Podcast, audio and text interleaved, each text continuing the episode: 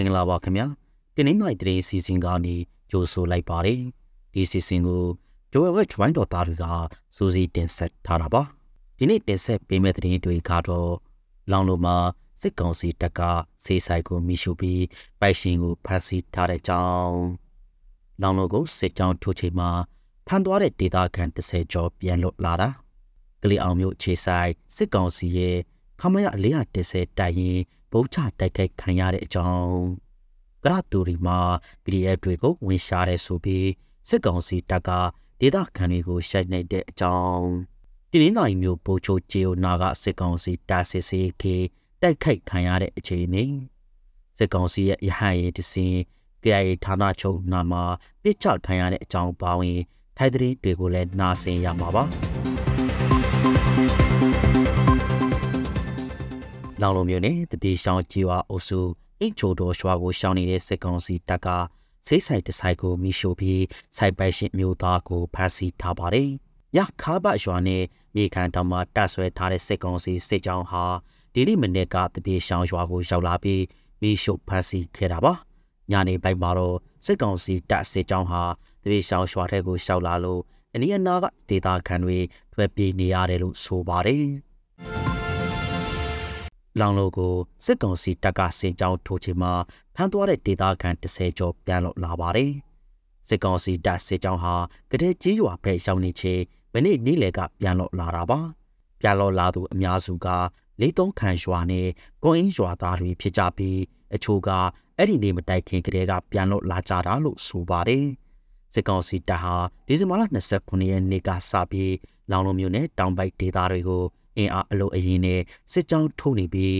ဝေဒီစစ်ပြေလေတော်ခံကိုအင်းရွာတွေကဒေသခံတွေကိုဖမ်းဆီးခဲ့တာပါကလျောင်မျိုးကြောက်ရှရွာမှာအခြေစိုက်တဲ့စစ်ကောင်စီရဲ့အမှတ်410ချင်းမြန်တိုင်းဟာမနေ့မနေ့ပိုင်းကဒရုန်းနဲ့ပုံချတိုက်ခိုက်ခံရတယ်လို့ဆိုပါတယ်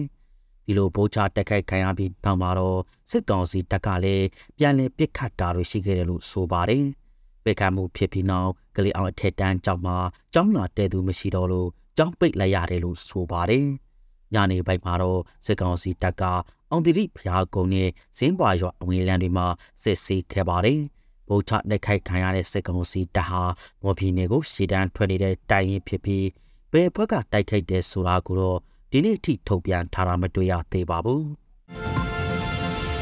PDF တွေကိုဝယ်ရှာထားလို့ဆိုပြီး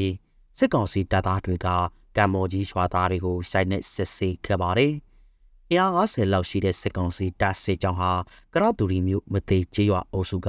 ကံမော်ကြီးရွာကိုဒီဇင်ဘာလ24ရက်နေ့ကရောက်လာခဲ့တာပါ။ဒီလိုရောက်လာပြီးနောက်မှာတော့ဒေသခံတုံးကိုရှိုင်းနဲ့စစ်ဆေးခဲ့တယ်လို့အမျိုးသမီးတုံးကိုလည်းဖမ်းဆီးပြီးနောက်ပိုင်းမှာပြန်လှော့လိုက်တယ်လို့ဆိုပါတယ်။ဒါအပြင်ည6နာရီနောက်ပိုင်းအပြင်ထွက်ရင်ပြစ်ခတ်မယ်လို့ချေးချောက်ပြောဆိုခဲ့တဲ့အပြင်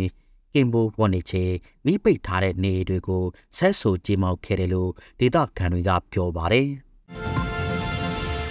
တင်းင်းနိုင်မျိုးပိုချို့ဂျေးဟူနာကစစ်ကောင်စီစစ်စေးကေကိုပြည်သူ့ကာကွယ်ပူပေါင်းတပ်ကဇန်နဝါရီလ၁ရက်နေ့ကတွားရောက်တိုက်ခိုက်ခဲ့ပါတယ်။ဒီလိုပစ်ခတ်တိုက်ခိုက်ရမှာစစ်ကောင်စီတပ်သား2ဦးဒဏ်ရာရသွားတယ်လို့ဆိုပါတယ်။အဲ့ဒီစခန်းဟာပြီးခဲ့တဲ့မန်လာနဲ့စက်တင်ဘာလတုန်းကလည်းအခုလိုတိုက်ခိုက်ခံရဖူးပါတယ်။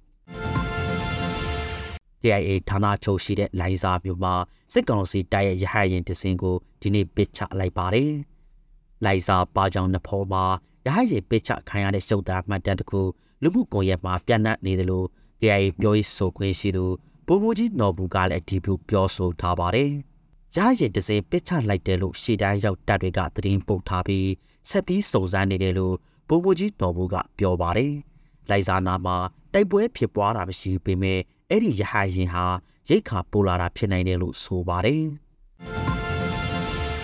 ထိုင်းနိုင်ငံမှာဘိစာရွက်ပြိုကြီးရှောင်းချတာကတရားမဝင်တာကြောင့်ရောင်းချသူတွေအဖမ်းခံရမယ်လို့ထိုင်းရက်တပ်ဖွဲ့ကဒီဇင်ဘာလ31ရက်နေ့မှာထုတ်ပြန်ထားပါတယ်။ထိုင်းနိုင်ငံမှာဘိစာရွက်ကိုမူရစေဝါစင်ကနေ2021ခုနှစ်ကစပြီးပယ်ဖျက်ထားတာပါ။အဲ့ဒီနောက်မှာတော့နိုင်ငံတွင်းရောင်းချမှုမြင့်တက်လာပြီး ဘိစာရွယ်ပြိုရီရောင်းတာကတရားမဝင်ဘူးလို့ထုတ်ပြန်လာတာပါဒါပေမဲ့ဘိစာပင်ကိုစိုက်ပြိုတာဝယ်ယူရောင်းချတာအရွယ်ပင်စီနဲ့အစိတ်တွေအပါဝင် ကိုယ်တိုင်ပြုတ်ပြီးတောက်တော့ရင်တော့အပြစ်မရှိဘူးလို့ဆိုပါတယ်။ဘိစာရွယ်ပြိုရင်ကိုအခြားဆေးဝါးတွေနဲ့ကြော်တော်ထုတ်လုပ်တာဝယ်ယူရောင်းချတာတွေလုပ်မယ်ဆိုရင်တော့ဖန်စီသွားမယ်လို့ရတဘက်ကသတိပေးထုတ်ပြန်ထားပါတယ်။ တာမီတာကိုဖောက်ဖြစ်လို့အဖမ်းခံရရင်ထောင်ဒဏ်6လကနေနှစ်နှစ်အထိနဲ့ငွေဒဏ်ဘတ်9000ကနေတစ်သောင်းအထိကြခံရနိုင်တယ်လို့ဆိုပါတယ်။ခုတော့နားစိန်ပေးခဲ့တဲ့အတွက်ကျေးဇူးအထူးတင်ရှိပါတယ်။မြန်မာနိုင်ငံသားများကပ်ပြီးပေါင်းကနေအမျက်ဆုံးလွတ်မြောက်နိုင်ပါစေလို့ Joel Witch ဝိုင်းတော်သားတွေကစုငုံကောင်းတောင်းအပ်ပါတယ်ခင်ဗျာ။